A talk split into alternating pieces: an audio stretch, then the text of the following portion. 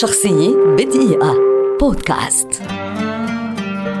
غلوريا جاينر مغنية موسيقية وممثلة أمريكية أفريقية شهيرة ولدت عام 1949 وتعد واحدة من أشهر المغنيات اللواتي أثرن في تاريخ الغناء والموسيقى على مستوى العالم.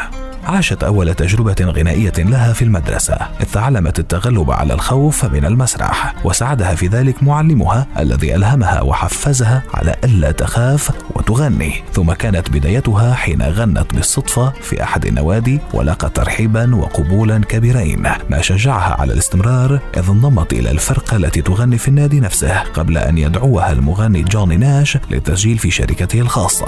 وكان هذا التعاون نقطة انطلاق جلوريا جاينر وبعد هذا التسجيل غيرت فرقة تلو الأخرى وعملت مع مختلف شركات التسجيلات وأخيرا في عام 1974 سجلت أول أغنية فردية لها هوني بي والتي حققت نجاحا كبيرا. بحلول نهاية العام نفسه تم إصدار ألبومها المنفرد الأول Never Can Say Goodbye والذي حقق مبيعات هائلة.